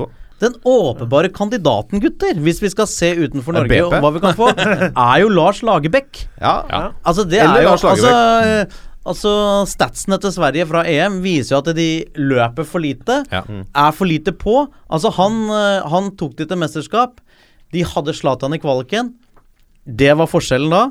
Eh, Lars De var forferdelige forferdelige EM. de Ja, de var de, de var helt De var grusomme i EM. Ja, men det, og Lars Lagerbäck, han har tatt Island ja, ja. til mesterskap. De Det er en eh, de mye slo bedre England. kandidat etter mine nå også. Mye bedre kandidat. For du ser Sverige, Sverige nå topper eh, kvalifiseringsgruppa si foran Frankrike. Ja, Riktignok av poeng. ja. Eh, uten Zlatan. Og Slatan. av norske kandidater så er det jo, må det jo være Lars Arne Nilsen som er den uh, beste. Hæ? Det han har gjort I med Brann, ja. det han har gjort med Brann. Og han står for akkurat den fotballen vi ønsker oss. Og da får vi Karadas på landslaget, Ja, da krydrer vi med Dæhlie, Elionossi og Ødegaard bak Azar Karadas. Det høres uh, fint ut. Men, Jeg kan jo eh, ja, nevne at det er andre ledige på markedet. Vi har Kevin Keegan, Steve Bruce, Steve McLaren, Roberto Mancini. Det hadde vært spennende. Sam Allardyce. Sam Allardyce. Sam Det Allardyce. han hadde passa godt. Louis van Gaal og Paulo Di Canio er også ledig. Og fascisten. Fascisten. Jeg, men altså, jeg tipper jo for, Det for det første eh, Ja, men Lagerbäck er bra, jeg er enig i det. Ja. det, det står jo folk altså på lista som vi har foran oss her nå, som du vel har lagd, Martin. Så står altså Hiddink og Vias Boas. Det er en Eh, drøm. Det er en Ja, drømmeliste. klart, men, Men er tenker, du- tenker du lønn og interesse liksom, fra dems side, så skjer jo ikke det. Men ja. uh, Hamren og Lagerbäck er de to naturlige som ikke har norsk pass. Mm. Uh, ellers så tror jeg altså De kjenner jo også nordisk fotball. De kan litt om markedet og sånn. Mm. Uh, av norske uh, Ja, Solbakken. Vil han, så er han førstevalget. Det er jeg ikke i tvil om. Uh, ikke nødvendigvis hos oss, men hos NFF. Vil han ha jobben, så får han den i morgen. Ja, ja, Det er jeg helt sikker på. Med en gang han plukker opp telefonen og ringer Terje Svendsen og sier at hei, jeg har lyst til å bli landslagssjef, så får han den jobben. Det tror jeg. Eh, og det som jo kan gi oss håp om Solbakken, er jo at eh, han pendler jo fra København til Hamar nå. Mm. Ja. Familien har jo egentlig bestemt seg for at nå vil de bo sammen. Det er, pendling er ikke så gunstig. Eh, ender familien Solbakken med at Hamar blir deres base og hjemsted, så har vi mulighet. Men jeg tipper jo han Nå er København på en sånn medgangsbølge. Fordi Han håper jo på å motbevise de greiene han gjorde i Køllen og Wolves. Mm. For det, det var jo tynn suppe. Ja, Eh, nå har han kanskje sjansen til å få prøve seg i en eh, større liga enn Danmark igjen. Så det er jo liksom konkurrenten der. Mm, mm. Henning Berg, ja. Mislykka i Blackburn, mislykka i Polen, for så vidt. Ja, var det så mislykka i Polen? Ja, altså de, Etter deres standard så Ja. eh, engasjerte han jo ingen, og nå har ikke starta fantastisk i Ungarn heller, så det hadde han Nei. Men jeg, jeg syns jo han er en decent sånn landslagstrenertype. Mm. Han kommer til å organisere det stramt. Eh, kommer til å spille etter ganske enkle prinsipper. Han er jo veldig en sånn attitude-fyr. Veldig Ja. opptatt av holdninger og trøkk. Mm. Så jeg syns ikke det er et uh, helt uh, mørkt Jeg har jo tidligere lansert uh, en som står på lista her, Tom Nordli. Eh, jeg vet at det ikke er aktuelt, og at det ikke kommer til å skje, men, jeg, men veldig mange som har hatt Tom Nordli som klubbtrener, sier jo det at han, han sliter ut en organisasjon over tid, for han er såpass krevende. På et landslag så møtes du noen uker nå og da, og han er god på den derre enkeltkamp øh, Liksom trøkket og gutset før enkeltkamper. Mm. Kunne kanskje funka som en sånn motivatortrener, da. Jeg vet ikke. Og så kan vi jo si, hvis vi sier det humoristisk, at hvis han sliter ut organisasjoner da, som han jobber i, så er det jo mange som mener at ting bør skje i organisasjonen NFF. Så kanskje vi bør håpe på Nordlien En liten Nordli Nordli. inn, så at han sliter ut noen folk på Ullevål. Men det ja, Hvis vi skal tenke da på eh, For å kaste inn et navn Jeg tror ikke det skjer, og det er ikke mitt førstevalg, men Leif Gunnar Smerud gjør det jo tross alt ganske bra med U21 nå, da. Ja. Uh, og det er klart uh, Han passer litt inn som Hvis du tenker Drillo. Mm. Litt sær, litt uh, sterkt uh, utdanna. Mm. og en halvmislykka klubbkarriere, men gjort det bra med U21, da. Ja, ja. Så hvis vi leter etter den neste Drillo, så kan det jo hende at uh, Høgmo er uh, Messias, på en måte. Per Joar eh, Hansen gjorde det også bra med U21, men jeg tror ikke han ja, er på Nei, det er vel ingen som mener at han Nei. er Messias. Men bør vi ikke gå på Altså, Må vi ikke få inn noe nytt her? Er det ikke Jeg, jeg har sittet og tenkt litt på det når vi diskuterer nå. Vi har hatt vi har masse, gode, vi har masse gode enkeltspillere, eller vi har en del gode enkeltspillere som spiller i store ligaer. Det er åpenbart at det er et eller annet som er gærent. Ja, trykker Eh, på noen. Ja, og vi, og vi har Vi har hatt trenere de siste, Alle trenerne vi har hatt. Uh, Per-Mathias Høgmo er bakgrunnen som toppfotballsjef i stillingen til Nils Johan Sem. Vi har hatt Nils Johan Sem, vi har hatt Drillo. Åge Hareide var jo en som kom inn eksternt, som ikke har vært inne i apparatet så tett tidligere. Bør vi ikke ha noen fra utsida? Altså, tror, tror det er ny... sunt Ja. å få litt uh, nytt blikk på det. Ja. Noen som ikke nødvendigvis har gått til NFF-skolen. Det tror jeg kan være uh, sunt for, uh, for A-landslaget vårt. Ja. For flaggskipet. Det- Nei, hvis vi skal spore helt Det av fra det noe. Apropos landslagssjefer for vårt øverste landslag, så tok kvinnelandslaget tok ut sin neste tropp nå. Der har jo trener Roger Finjord gått av. Geir Hansen er da midlertidig. Ja. Han tok ut troppen da, også ifølge eh, pressemeldinga, i samarbeid med utvalgte sentrale personer i NFF. Så det vil jo si at man har såpass Yes. stor tiltro til den midlertidige landslagssjefen for damer uh, at han har ikke fått lov til å ta ut troppen på egen hånd engang. Han Nei. har fått uh, noen som har stått over skulderen og sagt at uh, bør ikke hun der være med, liksom? Eller skal du ha med hun der? Hva skjer med det, liksom? Det er veldig, veldig det er rart å si. småspesielt. Det, Ja. ja.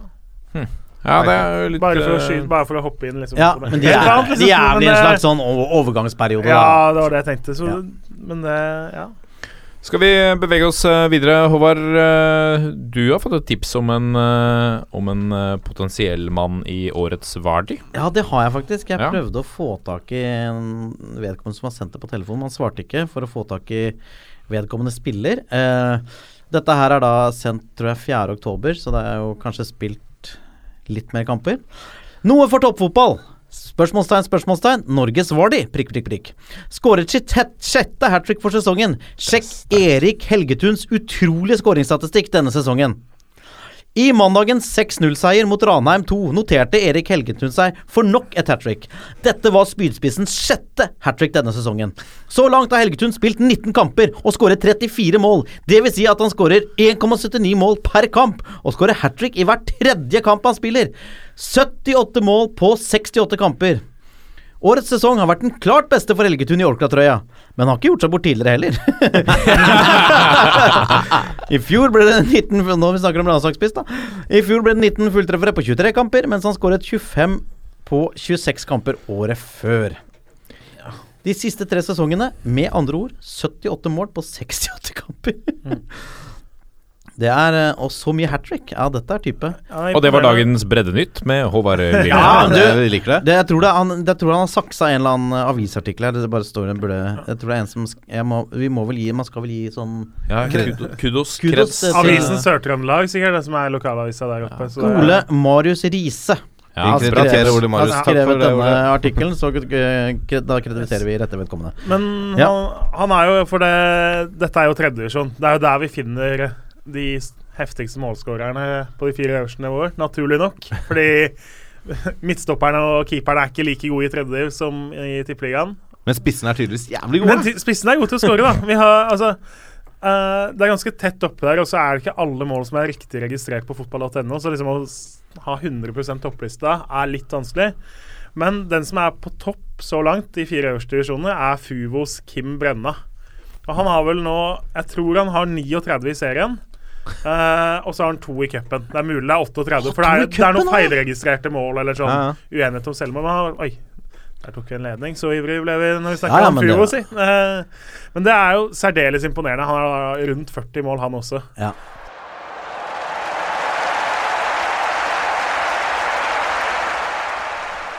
Det gjøres mye bra i, eh, i de lavere divisjonene. Mye spennende målskårere. Vi må på et tidspunkt oppsummere uh, Vardi, eh, årets Vardi litt eh, nærmere. Nå er det vel to runder igjen i både an- annen og tredje divisjon, så Mm. etter det så må vi jo se faktisk kåre Norges Vardi, da. Absolutt. Det blir spennende. Hva skulle han få igjen, eh, Håvard? Var det en Toyota Yaris? Toyota Yaris, det syns jeg Jeg, jeg, jeg har ordna spons. Men nå har de begynt å trekke Toyota Yaris har trukket tilbake bilene fra 2015 og ut. Ja, det er en av de som har trukket tilbake, som jeg har fått tak i. Så noe gærent kan skje, men herregud, bil er bil. Jeg er sikker på at de gutta her tar sjansen. Kan du ikke lage en toppfotballkopp til? ja, det kan vi få til. Så man kan ha i Yarisen. Nei, det er faktisk en brukt Toyota Yaris. Det er fatterns gamle varebil. og den lukter bikkje, og den er sliten, men den går. Det er en bil. Ja, det er en bil. Bil er bil. Bil er bil. Årsavgifta er betalt. Ja, det, det er bonus. Ja. Men eh, over til et eh, helt annet eh, punkt. Eh, vi skal ta ut årets Bossmann-lag. Åh, spennende. For det er eh, nærmere bestemt Du sendte meg en oversikt, eh, Jørgen. Eh, 92 spillere i Eliteserien som er på utgående kontrakt. Ja, og så er den vel ikke helt Den er jo ikke oppdatert, for den er en måneds tid gammel. Så noen har fått Det ny, for oss. Noen har fått ny kontrakt, og noen er jo bare på lån. Så Ja. men vi er oppe i en 70 stykker i hvert fall, som kan signeres for en slikk og ingenting. Ja. Men lånespillere, de har vi utelatt, har vi ikke det? Jo, vi har jo ja, Jo. Ja. det blir jo ja. ikke det samme hvis de har kontrakt med moderklubben Nei, nei, nei. nei, nei. Så dette er spillere som i utgangspunktet er på vei uh, Som er gratis. Kan hentes Som er gratis, gratis. nå hvis noen får lyst. Så et gratis lag. Hvem er det dere har i morgen? Mål? Der er det jo ikke så mange å velge i, da. Da er utvalget ganske tynt. Du har jo altså Pavel Londak er der, og Brans Alex Horvath. Men Ja. jeg, den som står fast, og som jo er helt OK, er Andreas Lie i Ålesund. Ja. Ja, der, der har jeg faktisk valgt det samme. ja. Ja, det har jeg. Men jeg har en, et alternativ. Det er han uh, Filip uh, Lundgarik, er det han heter? Han I eh, Tromsø. Ja, Han er på utgående i Tromsø. Han har vært solid for Tromsø nå i Kongshavn, et av Kongshavns mange skadeavbrekk. Ja. Så han kan jo være en uh, backup. Spennende. Spennende backup. Spennende backup. Du må ha en på benken nå. Ja, må ha en benk. Høyre, høyre bekka, har vi noe Ja, jeg har gått for trebekslinje. Altså jeg, Trebekslinje. Ja, ja, samme her. ja, Ja, jeg, jeg har kjørt en firer, da. Så jeg har en høyrebekk. Og der har jeg valgt, eh, etter litt sånn fram og tilbake, Håkon Skogseid i LSK. Forholdsvis bred tippeligaerfaring eh, og vært litt i utlandet. Han bør kunne gjøre en eh, god jobb for klubber kanskje fra midten og ned, eventuelt i Obos. Kanskje vi bare skal ta hele laget? Ja, gjør det mye gøyere, for at Ja. da får vi en helhet. Hva, hva de forskjellige trenerne har tenkt Ja. om laget sitt. Sammensetning, relasjoner, alt. Ok, men Lasse, du kan kjøre videre. Du Skal jeg hadde- kjøre laget mitt? da? Ja, kjør laget ditt, da. Det er mye ja, ja. gøyere å høre sånn. Begynte med Andreas Lie i målet, Håkon Skogseid høyrebekk. Uh, stoppere var mye, mye solid, syns jeg. Ja. Så Der har jeg valgt ut Vadim Demidov fra Brann. Ja. Han er nok dyr på lønnsbudsjettet, men har solid to- tippeligastopper. Ja. Og Vegard Forhen i Molde, førstevalg eh, på landslaget, som stopper. Eh, de to bør jo kunne heve et hvilket som helst uh, tippeligalag omtrent. Kanskje ikke Demidov i Rosenborg hever det lenger, men uh, for de andre klubba så bør de være aktuelle.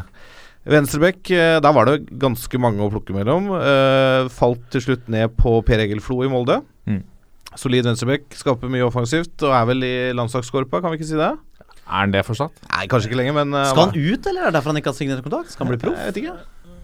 Det er vel mulig han har lyst til det. Ja, det er vel det de drømmer Klart om, alle Sitter du på utgående kontrakt, så lufter du jo mulighetene dine i markedet. Ja, du gjør det. Uh, jeg spiller en slags 4-3-3, da. Uh, midtbane. Uh, Marius Lundemo, LSK. Mm. Det er ikke lenge siden LSK takka nei til ganske mange millioner for han. Eh, mye Skulle de tatt det budet, kanskje? Ja, lurer på det. Han har vært mye skada, men som en skadefri så er han en meget solid, eh, habil eh, midtbanespiller som bør kunne forsterke de fleste. Ja. Uh, Steffen Ernemann i Sarpsborg. Også solid. Ofte kaptein for Sarpsborg. Eh, godt langskudd. Eh, dog noe gammel, 34 år. Men eh, har Det går fint. sikkert noen år igjen. Er tippeligaen. Sikkert noen år. Og så har jeg valgt en potet i den eh, tredje mm, midtbanerollen. Det er Kristoffer Haraldseid i Haugesund. Ja, så bra. ja. Forholdsvis ung, 22 år spiller da, og allerede 118 tippeligakamper. Og et alder av 22. skuddbein man må elske. Ja, men skårer jo litt lite av seks mål. Ja, 118 ja, ja, kamper, men, men- fint skuddbein. ja. Kan utvikles videre, kanskje på målskårer. Mm. Eh, på topp så kjører vi eh, Uh, Jørgen Kjernås sin favorittspiller Azar Karadas. Han er jo fortsatt en maskin, til tross for at han er gammel. Kan brukes både offensivt og defensivt. Duellsterk og vinnerskalle. Han bør kunne være bra for mange. Og så har jeg satt opp Pål Alexander Kirkevold fra Sarpsborg. Han har 14 mål på 45 tippeligakamper for Sandefjord og Sarpsborg. Det er helt greit, men er bare 26 år. Han bør jo kunne gjøre en jobb. Han er også litt sånn maskintype. Ja. Sistemann er da Shukwuma Akabuese i Odd. Han som også er kjent som Bentley. Bentley, ja. Ja, Ja. ja. Jeg å si Ja, Bentley eh, er jo en solid kantspiller da, som har prestert i tippeligaen i mange mange år. Eh, fin fot og eh, har jo Jeg tror han har hatt 10 eller 11 målpoeng i år. Han, er, han rekker opp bra med målpoeng hvert, eh, hver sesong. Så da har vi en elver. Spennende. Vangstein FC skal opp mot uh, Lilleheies uh, Jeg har en benk òg, da, men det er kanskje ikke så farlig. Nei, vi tar bare Vi elveren. dropper det. Ja, ja, ja. Lilleheies uh, disipler på, av gratis spillere. Du har råd Ja. til å betale en del lønn når de ikke betaler overgangssum. Det er deilig. det er deilig De, de skal jo ha sign on, disse gutta, men vi får se om vi får ikke får røde tall i boka. Uh, jeg starter med Andreas Lie. Ja. Uh, og så har jeg en spennende trebeksrekke som kommer til å overraske dere. Uh, Vadim Demidov. Hei sann. Ja, for jeg må ha gutta Når du spiller med tre bak, så må du ha gutta som kan liksom rense litt unna. Eh, Skjønsberg fra Stabæk. Ja, Mm, bra spiller. Ja, det elsker. Og så kommer den store jokeren. Jeg skal omskolere Morten Gams Pedersen til tredje midtstopper. Oi. Ja, han, yes. nå har han vært skadet. Han er jo en treningsmaskin. Alltid vært sterk. Har et fantastisk venstrebein. Ja. Han skal kunne ligge der. Han er vår Bonucci, kan du si, da. Som uh, også kan ligge og strø Det tror jeg er første gang vi har fått sammenligninga der. Morten Gams Bonucci. Ja, Gamsen, men tenk hva Gamsen har gjort, da! Hvor god han Ja, var i. Premier League! Skåringene, venstrebeinet, alt han har gjort. Jeg skal, få, jeg skal snakke med Morten, jeg skal få den gangen. Jeg skal gi en kjærlighet, for Gamsten er en sånn spiller som trenger kjærlighet. Du tar rollen som trener òg, hører jeg, på det laget her. Oh, det er, Ja, så, men vi er jo Ja, det er det er så naturlig for meg å, Ja. å tenke meg sjæl som trener for disse gutta. uh, og så har jeg da fem på midtbanen. Jeg, eh, da begynner jeg som med han som skal ligge bakerst, eh, altså sentralt bak. Det er Ernemann. Eh, foran han sentralt har jeg Petter Åri Larsen. Ja. Som alltid hatt litt sånn softspot for. Føles som han ikke har fint. fått helt ut potensialet sitt. Og Martin Rønning Ovenstad. For han er liksom trygg og god ballspiller og, og lav feilprosent. Og så har jeg Harald Seid eh, på ene kanten. På den andre en annen gammel røver som jeg skal få fart på igjen, nemlig Erik Huseklepp. Oi, oi, oi. Åh, denne nydelige spilleren som var så god. Som, som til og med, han var til og med OK når han spilte i England. Ja. Og han var, da var han god på landslaget òg. Også en fyr som trenger kjærlighet for å lykkes. Det skal han få. På toppen, Mossa og Kirkevold. Der blir det masse trøkk og fint på. Så Oi, dette her Det laget der har jeg ikke lyst til å møte. Nei, Nei. Dette, er, eh, dette er gutter. Og fin dødballstyrke. Ja, dette her kommer til å gå bra. Vi kommer til å, å spille en del langt. Eh, og så Og så skal jeg Huseklepp løpe. Og Harald Seid òg, Ja, ja, som jeg også liker. Jeg liker foten hans. Uh, så dette her kommer til å, å bli ganske fint, altså. Jeg må bare si én kjapp ting om Huseklepp Uh, for oss som spiller Fifa, som han 14-åringen du snakka om. Ja. Da han var i Portsmouth, den spilleprofilen Huseklepp hadde på Fifa i det året Ja. Han så ut som han der, som var i klubben din, han derre svære beistet. Han var jo sånn muskuløs Uh, Akinfene. Ja. på, ja. Han så ikke ut som Erik Huseklepp, for å si det sånn. Var helt maskin. Erik. Huseklepp skal jeg få i gang igjen. Ja. Tro meg. Han skal bygge muskler. Ikke muskler, bare kjærlighet og sjøltillit. Og så er det til Kjernås uh, FC. Jo, nei, det som er så deilig med å kunne bare sitte og mene uten å måtte bli stilt til ansvar for ting og sånn, er jo at man kan uh, møte seg selv brutalt i svingdøra, da. Ja. Så nå, en god halvtime etter at jeg har prøvd å snakke Asar Karadas inn i uh, landslagsvarmen og inn fra start for Norge, så er han da ikke funnet uh, verdig en plass uh, blant de elleve på, på Bossmann-laget. Så det, det kan man jo mene hva man vil om. Nei, Litt fordi at uh, vi starta med laget bakfra og endte opp med en 3-5-2. Men jeg ser jo at vi kunne dytta ut en her og gjort om til 4-3-3 ganske lett. da. Mm. For å har Andreas Lie bakerst. Så har jo Demidov og Forun på stoppeplass. Det er jo litt selvsagte. For det er jo det er ikke så mye kvalitet her, men de to og Lundemo er jo de tre virkelig liksom som mange bør være ute etter. Så satte jeg en David Myrestam eh, som tredje stopper. Har Ja. løst den oppgaven ganske bra i Haugesund. Er egentlig back, har Ja. spilt litt uh, wingback der. Men har vært bra som stopper. Men jeg, altså, han kan jo gå ut, og så dytter vi inn Karadas eh, hvis behovet er der. Så vi tar med Karadas som en tolvte mann. han har jo tross alt ikke starta noen kamper i år, så å sette inn han fra start ville jo vært kjempeteit. Hvem er det som tenker Helt sånt? Det er greit, Jørgen. Det er greit. Fortsett nå. Per Egil Flo og Kristoffer Haraldseid har vi snakka litt om. De er wingbacker. Så har vi Lundemo på midten, og så har jeg med to som ikke dere har hatt med deg. Jeg har Joakim Jørgensen fra Viking, Ja, som jeg syns er litt sånn nytt. Han er ikke noe briljant, og Ovenstad eller Åre Larsen eh, kunne ha vært med isteden. Jeg liker Jørgensen litt, så han fikk plassen min. Og Cole Grossman hos uh, Stabæk. Ja. Så lenge han ikke pådrar seg hodeskade på halvkomisk vis, så, Så, er han så en lenge god ingen lagkamerater gjør practical jokes på han, så er han en bra så spiller. Så syns jeg han er bra. Så han var liksom Så var det Jørgensen som fikk tredje på uh, skjønn. Så jeg dytta Bentley inn på topp. Klart han er best som kant, Som spiss, men han får spissrollen her. Så, Ja. Og så sammen med en som jeg var litt overraska over at ikke kom hos dere, og det er Frank Poli hos Ja. eh, Ålesund. Jeg hadde den på Ja. benken. Ja, Som tross alt er en ganske bra spiller, har en bra målstat både i Stabæk og nå i Ålesund. Han har ikke vært fantastisk i år, men uh, Tok lang tid før han kom i gang. ja, men uh, likevel. Uh, han syns jeg var den spissen som stakk seg mest ut på den lista. Ja. Så det er mitt lag. Spennende. Ja, bra Eh, lag, bra lag. Roppestad Eagles, helt på Roppes. Eagles. Roppes Eagles. Jeg har tatt ut eh, laget basert på de spillerne som jeg liker best. Uh, ikke nødvendigvis det beste, men uh, de har vært veldig gode en gang. Uh, I mål Andreas Lie, det var ikke så veldig mange andre. Pavel Londak også, kanskje. Ålreit type. Joshua Gatt på høyre, ikke sant? Høyre Høyre back. Jeg liker Gatt. Ja, Ja. Gatt. Gatt. Han har jo hatt masse kneskader, så det er hyggelig at han faktisk er tilbake. Ja, på Han er inne i varmen hos meg. ja Han trøkker. han trøkker til. Apropos folk som trøkker. Ja, Ja. unnskyld, nå avbrøt jeg. Et, uh, han er så rask. Uh, jeg, jeg liker det. Jeg har ikke noe annet forhold til han enn akkurat det. Jeg liker folk som er raske. Vegard Forhen liker han litt. Morten Skjønsberg, du snakket om det. For en, øh, Stabæk, altså. Men han er en For flott en- ja, for en klubbmann. han, Hver gang han blir intervjua, så det er jo litt sånn snodig. Han er litt sånn snodig på skjermen. Det er morsomt, og det er ålreit. Ja, Han sier jo det han mener fra hjertet, uten å liksom gå til angrep på noen. da Ja, jeg liker det fin- Fantastisk type. Og så har jeg Flo på venstrebekk. Egentlig bare fordi at jeg er keen på å ha en Flo på laget. Må alltid ha en flo. Alltid en Flo. På midtbanen så er Arda Arde Angashi. Det hadde ingen Oi. oi. Det er spennende valg. Det er basert på, på historikk, altså. Hva den Ja. mannen har gjort, Ja, eh, vakkert. spesielt for mitt gamle Ørn Horten. Jeg liker sånne uttak. Ja. Jeg tror det er ingen spillere i historien til Vålerenga som har truffet tverrleggeren mer enn Aragashi. Ja, På uh, langskudd. Mye tverrleggerskudd. Han uh, gjorde det i Ørn Horten også, Ja, okay, ja. faktisk. Uh, fantastisk spiller. Var på vei til å legge opp, men så fiska Ørn Horten han opp og, og ga han tillit. Han eh, var fryst ut i Molde. Ja, ja, da, ja. ja. Mm. Mm. Eh, Øyvind Storflor har jeg tatt med. Til din store Fin glede. fot. Fin fot. Ja, tenk deg, jeg valgte. Jeg, Ikke sant? Storflor har, jo. Storflor har jo på en eller annen måte lagt litt sånn opp.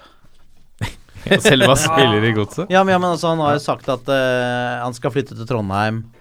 Uh, og det kommer an på om det kommer noe interessant prosjekt. Så kanskje Ranheim. Ranheim, Levanger Ja, ja, det Ja. kan være det. Ja.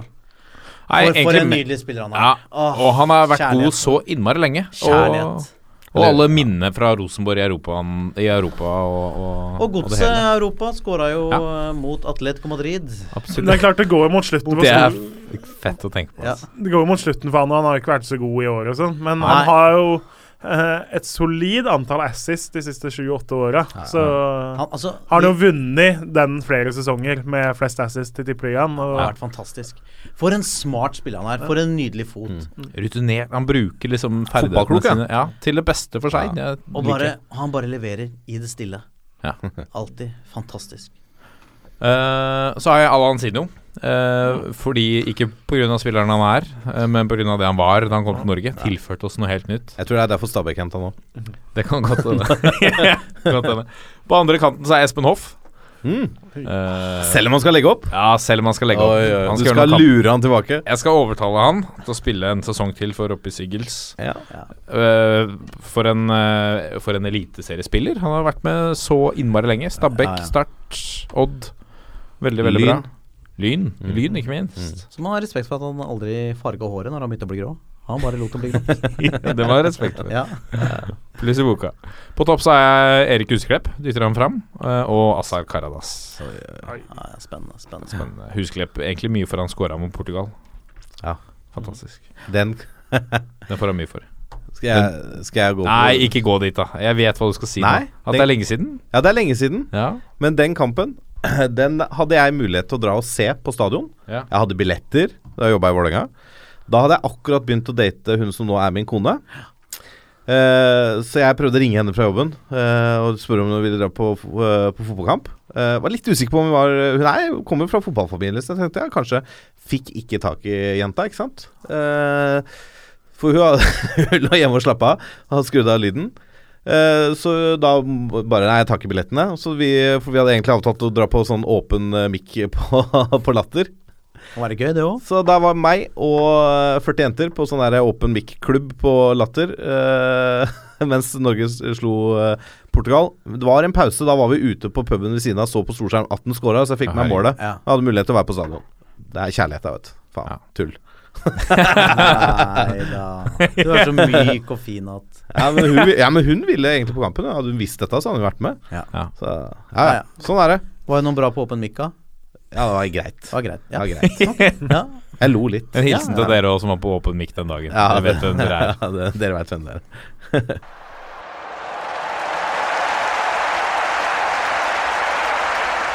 Og så er det etter en landslagspause så er det igjen klart for uh, Tippeligaen. Uh, og der har vi tatt for oss uh, noen kamper. Jeg tenkte å begynne med Roppestad, som har sett på Ålesund-Bodø-Glimt. Og hvis vi tar tabellen og glemmer alt som har skjedd før 1.8, så ligger, og kun regner frem til i dag, så ligger Ålesund på tredjeplass. Det er så god høstsesongen har vært for uh, for uh, Ålesundslaget. Det er kun Molde og Rosenborg som er foran de. Um, jeg har veldig troa på at de holder plassen. Jeg tror at de med, med kamp mot Bodø-Glimt, så, så tar de en, eh, nok en seier. Uh, og tar et uh, godt steg ut av nedrykksstriden der.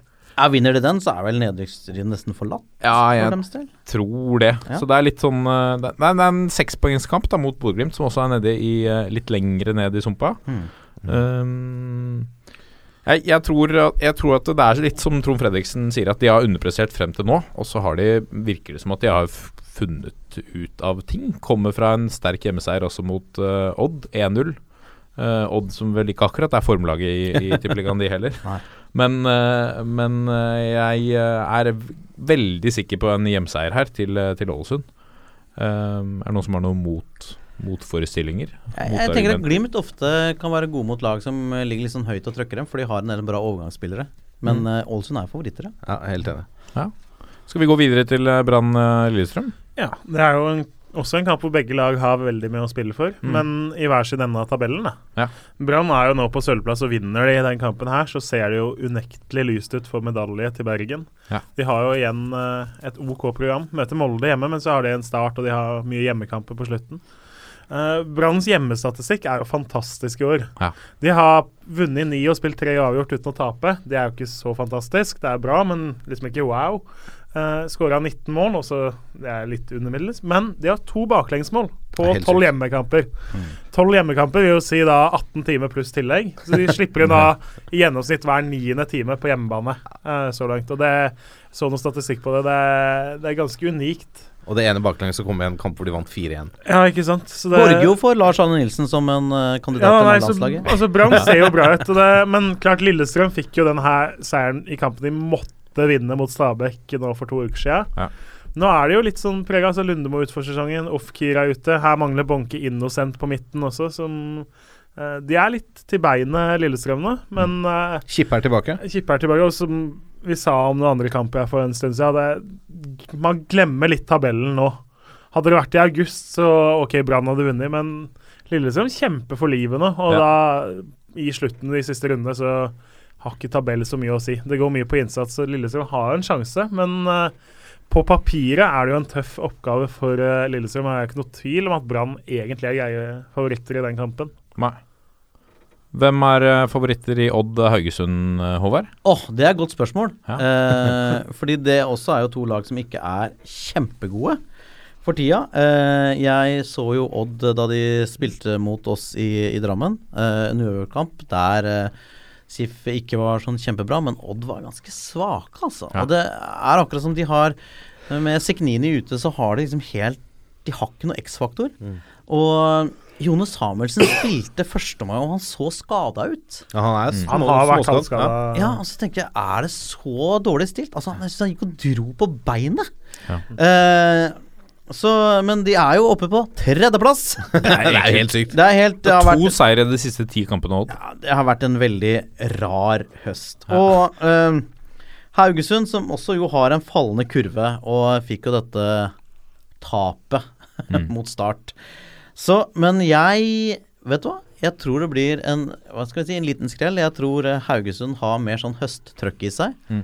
Jeg, jeg tror Haugesund tar den så er jo dette en litt spesiell kamp for Torbjørn Agdestein. Ja. Nå har han jo vært så svak i høst etter at overgangen til Odd fra 1.1 ble klar, mm. at han har jo faktisk sittet på benken. Men det er jo et stort spørsmål. Vil man egentlig bruke Torbjørn Agdestein, som er lagets toppskårer, når han skal spille mot det som er hans nye arbeidsgiver? Det, han kan være med på å sørge for at han ikke får spille Europacup neste ja. år, liksom. Det Samtidig så spiller de for medalje nå, da. Det, jeg er glad jeg ikke er i Agdesteins sko akkurat denne uka her. Jeg, jeg håper jo at han er såpass til kar at hvis han spiller, så gønner han på. Ja, man må jo tro det, men altså, det er jo litt vanskelig, da. Det, du har jo lyst til å spille Europaliga møte Dortmund igjen eller et eller annet sånt, så Jeg tror det blir U. Mm. Ja. Uavgjort. Uavgjort. Ja. Håvard trodde på Haugesund? Jeg, jeg, tror på en B, en liten skrell. Ja, en liten skrell. Ja. Hvem, uh, hvem, tror du på på, på Ullevål, uh, Lasse? Vålerenga-Stabæk? Oh, den er, den syns jeg er litt vanskelig, rett og slett. Ja. Uh, dette er jo en ekstremt viktig kamp i bunnstriden, egentlig for begge lag. Ja. Stabæk ligger på kvalik med 27, Vålerenga tre poeng foran med 30.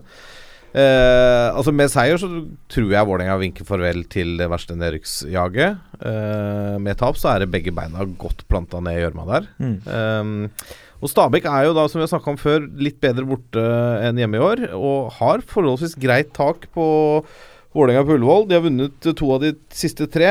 Senest 0-2 i fjor, da Dio og Sante kontra en matchet mål på vel to av Stabæks få sjanser. Men Nå er begge de borte.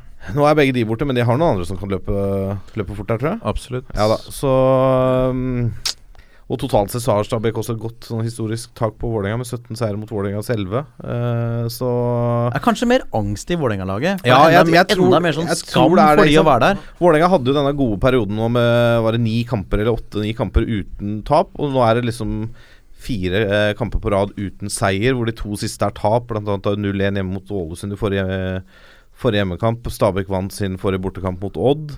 Eh, Moa ute med karantene etter gult kort sist. Robert Lundstrøm tilbake. Stabæk karantenefri. Jeg, altså, det er en sånn derre Igjen, altså. Jeg må si det. Det er en sånn derre helgardering, hvis jeg skulle satt den på tippekupongen. Er det Zaid som må gjøre det her? Ja, det blir Han er i form, iallfall. Han Ja. er i form, også, men det er jo det der spillere som kommer tilbake fra landslags øh, Altså fra, øh, fra landskamp og vært og reist litt og vært i Kasakhstan noen dager og, og litt sånn. Jeg er alltid litt u usikker på det. Men Men én ting da som kan tror jeg kan tale til Våle- Vålerengas fordel, er at uh, Ronny Deila har vært på feltet denne uka her Ja. og leda treningene. Mm. Og sitter på benken også. Sitter nok på benken. Uh, det har vært høyt tempo på trening, bra trøkk. Uh, selv om det selvfølgelig sikkert litt høye skuldre. Mm. Det kan jo slå positivt ut, håper jeg. Jeg håper de som er i Vålerenga nå har lyst til å vise seg fram for ny trener. Og, og ta de poengene de trenger på slutten, men allikevel helt åpent. Ronny er, Ronny er veldig flink til å ta av press eh, Ja. på spillerne før viktige kamper. Ja. De var ganske god på det. Men eh, jeg setter U som utgangspunkt, jeg, med å gardere den med HB. Ja. Håper du Vålerenga rykker ned med Deila Verore, Håvard? Ja. Ærlig svar. Liker det. Rett fram, direkte. Rett fram. Håper de rykker ned. Jeg håper ikke Vålerenga rykker ned med deg. Nei, det vet vi, altså. Det vet vi. Okay, Det vet vi.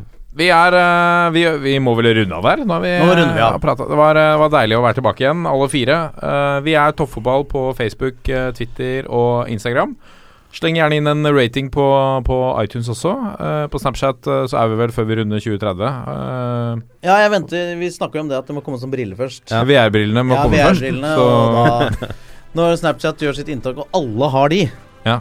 Da er vi der. For da, da er vi på gang. Og husk at Roppis leser opp på, på lufta hvis du rater oss på iTunes. hvis du rater fem stjerner, ellers gidder jeg ikke. Nei, nei, vi må også én. Vi leser den. Ja, okay, da Du leser bare skryt. Ja, du kan ta de dårlige der. altså. Jeg kan ta de dårlige, det er greit. Det er. Har vi noen enstjerner? Nei, ingen. Nei, ikke sant. Jeg ser. Vi ses uh, neste uke, noen av dere gutta. Ha det! Ha det!